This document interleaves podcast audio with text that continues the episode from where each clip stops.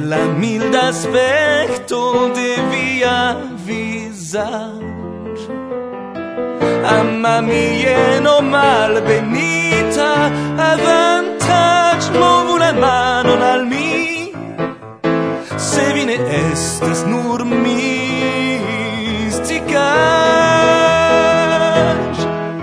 mi besonas gaini vi ein rigard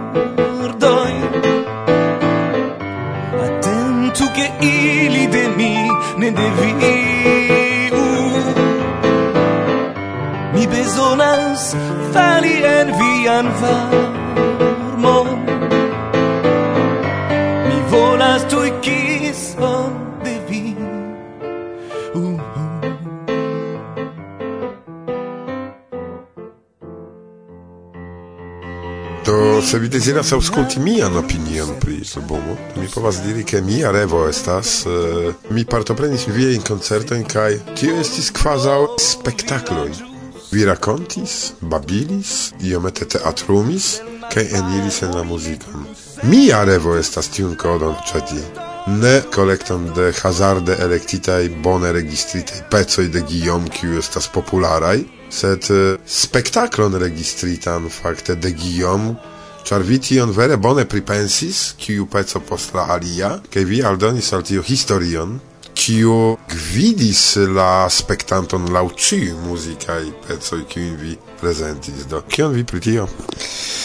Vi pravas che um, ehm, kiam mi faras concerton, mi facte faras cant prelegon, mi nomas gin tiel, char mi simple ne sentas min capabla sidi pian ludi cae canti antau spectantaro eh, nur presentante canzonoin, cae jen mi bezonas ligon inter mi kaj la spektantaro, mi bezonas accompani la spectantaron en miai messagioi, ancau cefe en Esperantujo, char mi sias che en ciui lingvoi ausculti texton de canzono tute nova, cium oni neniam audis antaue, povas esti malfacile, dependas de la homoi, sed povas esti malfacile. En Esperanto, kiu estas fremda lingvo al ciui, do ankaŭ dependas de la homoj, povas esti des pli malfacile tui capti.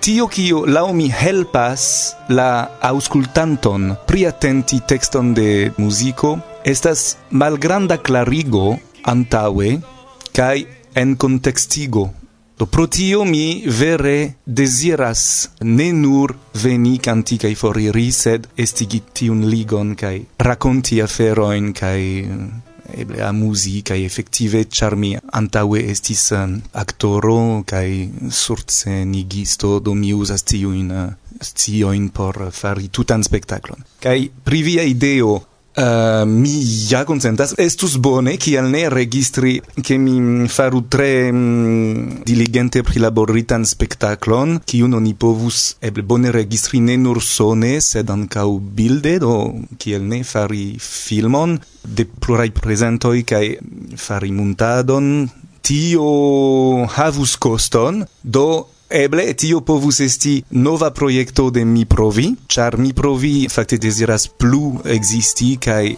subteni novajn projektojn, ne nepre miajn, sed se vi volas proponi tion, mi instigas vin aligi alla tiel nomatai sensipai piratoi, kai proponi la ideon, kai ni vidos kiel reagas homoi, kai ciu ni ecuti un uh, novan uh, proiecton kun collectado de mono por existigi gin.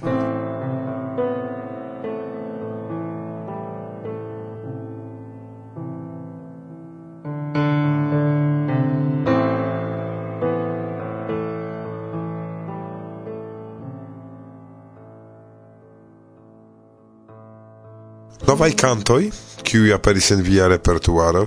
Aperis iu novai? Yes, compreneble, ciam aperas novai cantoi Kial demandu al Dio, al Dio de inspiro? en la blogo estas canzono kiu titoligas Mancas vi, exemple, kiu estas sufiĉe nova, Kai tut simple mi pensas ke kiel multegai homoi mi iam spertis mancon de iu kai desiris verki canzonon pri tio do ciam kiam mi verkas canzonon tio devenas de la coro che iam la coro havas tiun energion pri io kai simple mi sentas che io devas eh, eliri de mi kai jen kai mi mi scribas. Kelkfoje temas pri ne nur la coro sed ancau la menso cune havas ion por diri mi ne nur desiras montri comprenigi mia sentoin, sed ancau desiras comprenigi ion cium mi comprenis pri la vivo, pri... Do, exemple estas tiu canzono La plei granda, kiu temas pri La plei granda cazzo, kiu estas canzono por diri che la nuntempa emo, ne nur nuntempa, la ciama gis nun, emo de la homaro doni pli da valoron al cio kio estas pli granda, pli potenza, pli pova, pli dica, pli impona, pli rapida, eh, do pli virezza generale, tio detruas nian viv manieron, nian viv fontoin, kai tio ne plu eblas, kai ni devas nun doni multe pli da valoro kai da povo al pli dolciai, pli mildai condutoi, che tio eble estas doni pli da spazio al virinoi. Do, jen, estas tiu messaggio, do ne nur eh, uh, musicae paroladoi, set ankaŭ musica instruado, do trein seminario in musicae. Yes, nu, mi ne shatas diri che mi instruas, nu, mi ne estas instruisto, mi estas artisto, kai mi havas opinioin, kai mi ne kashas ilin kiam mi cantas. Mi usas mian arton por transdoni mian vidmanieron al la homo.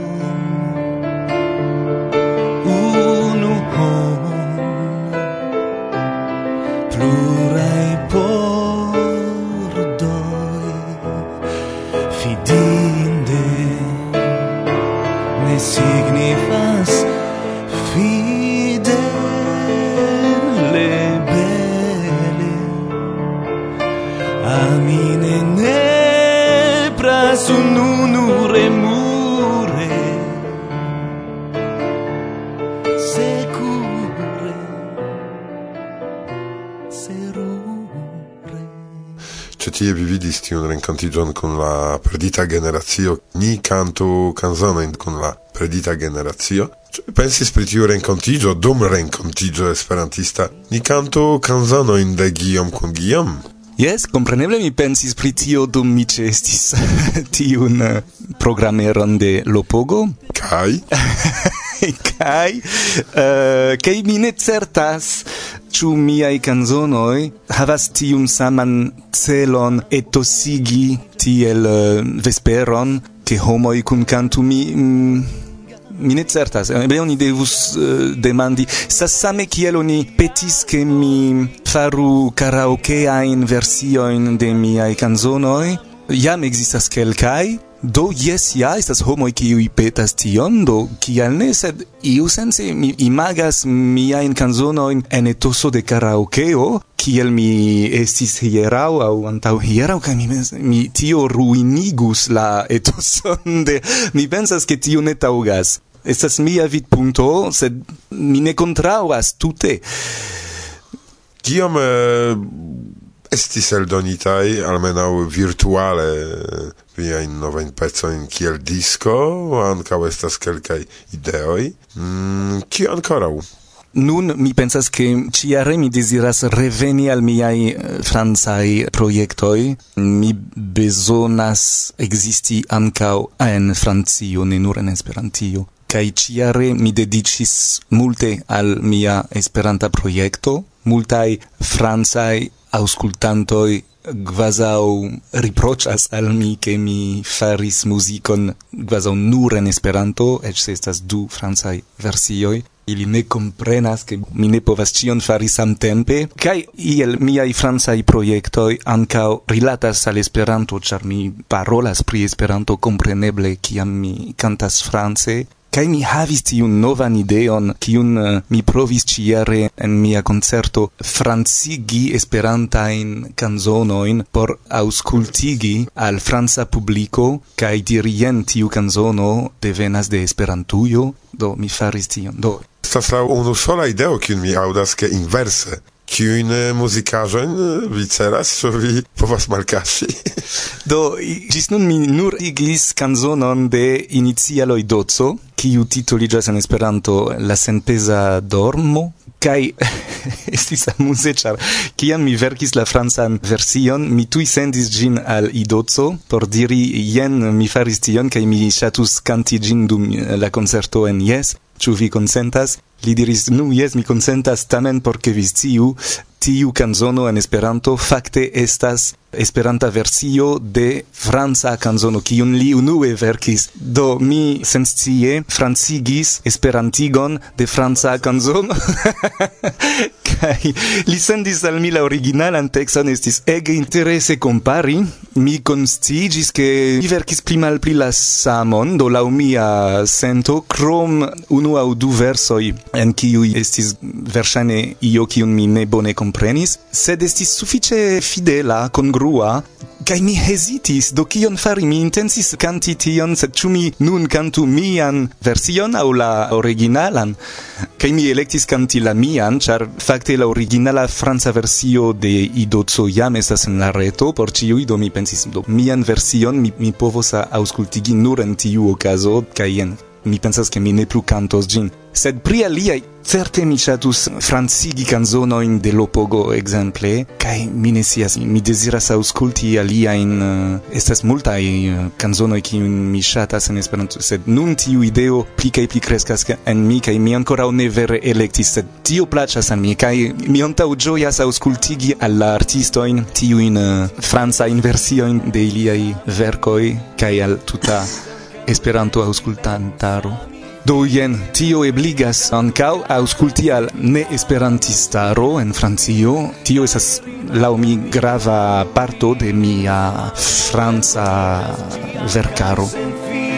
Malutila ĝengardi en sia sin, mi ne estu kial por via abstina murin, kaj mi la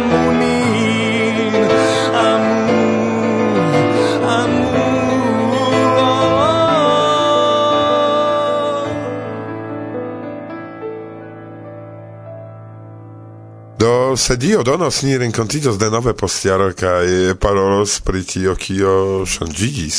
Ĉar fakte de tri jaro jam tri aŭ kvar jaro jam ni renkontiĝas regule eh, dum koncertoj kaj poste ni babilas pri via muziko kaj eh, de jaro al jaro mi observas progreson. Do mi por vi deziras neniam ĉesu tia evoluo supren.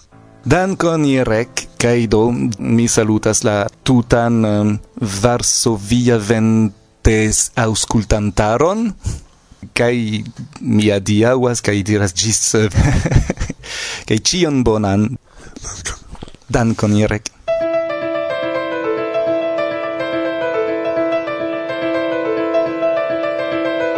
Venis la post rompiĝa tempo la ne plu mesurebla temp, temp de la senfina exil.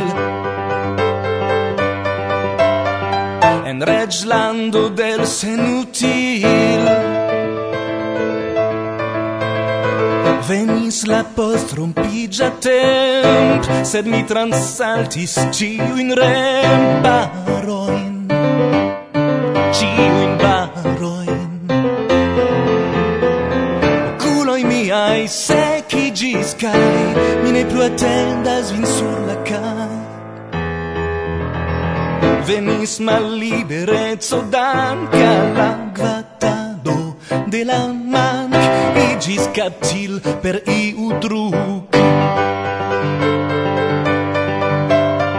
La antaue milda lit tu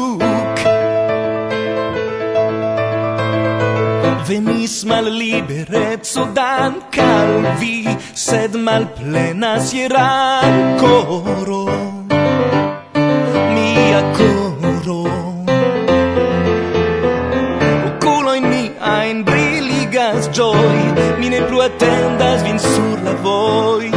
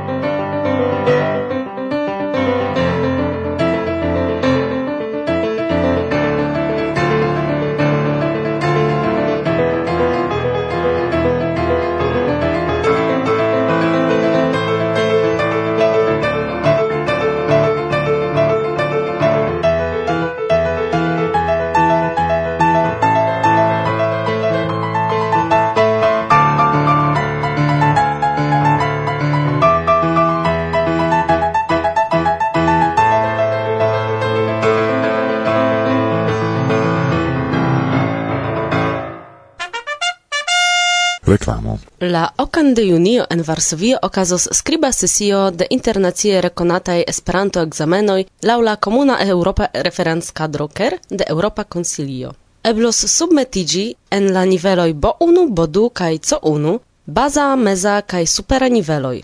Ale la ekzamenoj eblas aliĝi ĝis la dek kvina de majo 2013 pere de la reta aligilo. Plurajn informojn in vitrovos klakante ligilon en priskribo de la elsendo.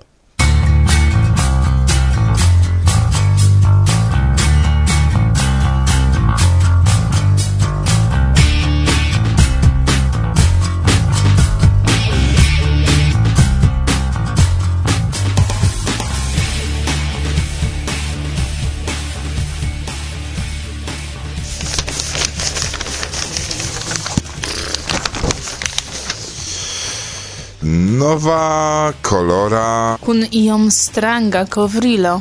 Kio tio? Okul? Eble malnova masko de Batman? Ne, havis ion similan sur vizaĝo Sky Kapitan. Ĉu?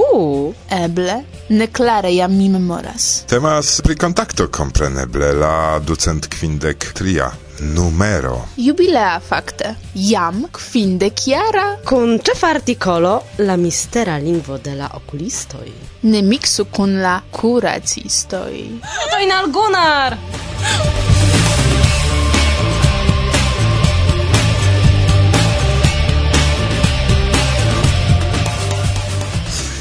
Bone, reagoj, informe kaj temo sugestoj. Ŝatata de mi intervjuo Wang Shanshan, juna forto en Ĉina Radio Internacia. Ĉefa articolo? La mistera lingvo de la okulistoj. Kontakto kvindek jara, junecu iomete memoroi pri ec esto de contacto. Socio, leto de la malhonestuloi. Rubrico facila, Manĝu mal rapide por via sano. Tiel la mondo, kaj la blaga blogo, blogo de avertulo. Teio tutmonde. kaj Varsovia vento. Yes, yes, Varsovia vento. Vi ne miscomprenis. En contacto ankaŭ pri ni. Fin fine iu rimarkis nian pli ol sesjaran penadon. Sendube la fratoj Gotardi el Brazilo, ĉar ili pri ni skribas. Dankon, dankon.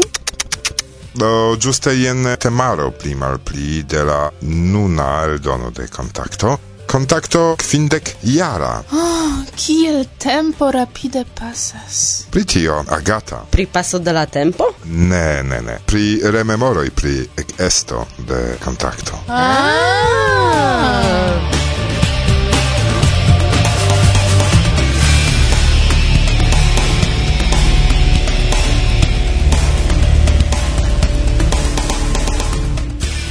Per tiu ci unua numero de 2003 ni inauguras la jubilean jar kolekton de Contacto. Skribas Hożener Pawiński, la nuna redaktoro de Contacto.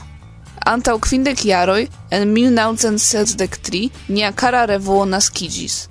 En sekva parto de la enkonduko Hoĝener rakontas pri kontakto nune kaj priparolas la jubilean eldonon, en kiu interalie malfermo de la rubriko, en kiu prezentotaj estos ĉiuj iamaj redaktoroj de la revuo. La ciklon malfermas kompreneble artikolo de Humphrey Tonkin, la unua redaktoro kaj fondinto de Kontakto. En lasta tempa numero de New York Review of Books rememoras komencinte la artikolon Humphrey Tonkin, la psikologo Oliver Sacks komentas jene pri la memor memorkapablo. Ni, kiel homoj, devas toleri memorajn sistemojn, kiu enhavas eraremojn, malfortojn kaj neperfektaĵojn. Plue en la teksto ni legas, ke kontakto aperis, char Teo intencis eldonadi internacian junularan revuon, ne pri Esperanto, sed en Esperanto, pri cio kio povas interesi junajn homojn en ciu landoj.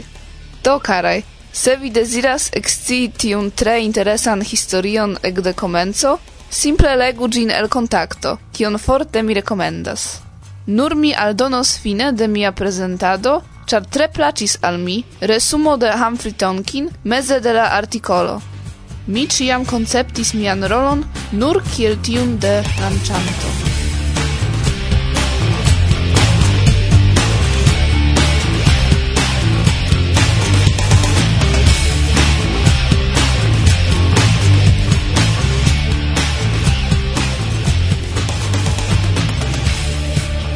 Se ni decidas kalkuli la uzon de Esperanto en oficialaj kaj grandaj medioj, skribas Hożener Pawiński, ne vere restas pli ol malpleno de fieraĵoj. Dum esperantistoj en diversaj partoj de la mondo strebas ricevi iun ajrekonon por nia lingvo, en Ĉinio la statuso kiun ĝuas Esperanto en la Ĉina Radio Internacia estas rimarkinda. Ĉina Radio Internacia fondiĝis en 1941 kai simile al kontakto ancau la redakcio de la elsendejo venontiare festos sian quindecan iarigion. La directoroi saĝe firmigas gian estonton per novai fortoi. Junuloi okupas pli ol duonon de la tuta personaro kai Wang Shanshan estas unu el tiui, kiui daurigos la tradicion. Kial Wang Shanshan decidis aligi al la teamo de Cina Radio Internacia? Ču oni parolas Esperante en la redakcio dum la laboro? kiel oficiale estas taksata agado de la esperantista sekcio. El kio konsistas ĉiu taga laboro de ili? Respondoj al tiuj kaj ankaŭ al la aliaj, foje iom privataj demandoj, vi trovos en intervjuo de Hożener Pawiński kun Wang Shanshan, la juna redakcia forto de Ĉina Radio Internacia, kiun sincere mi rekomendas.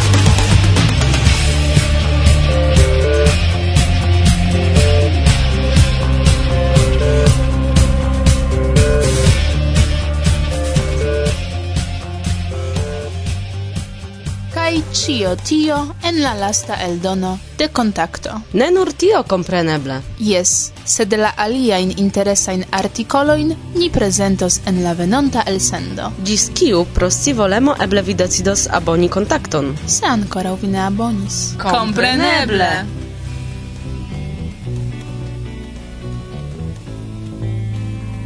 Ci foje pri kontakto, krom mi parolis. Martusia. Rudzia. Kaj. Agata. Estas unu el la plej bele presitaj gazetoj de la Esperanta movado. Verkita kaj redaktita de junuloj, ĝi esploras plej diversajn temojn.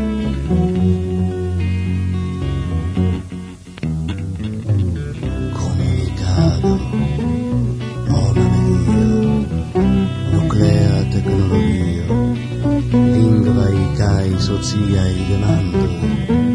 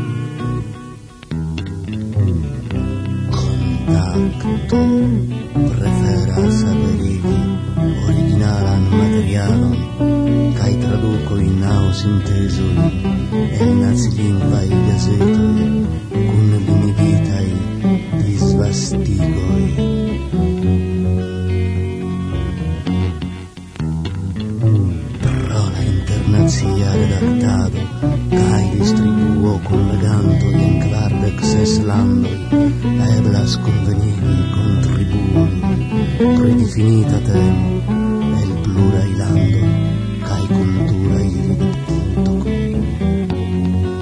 Kontakto celas ekspluati sian internaciecon. Kontakto aperas kvarfoje jare kaj ricevas ĝin ĉiu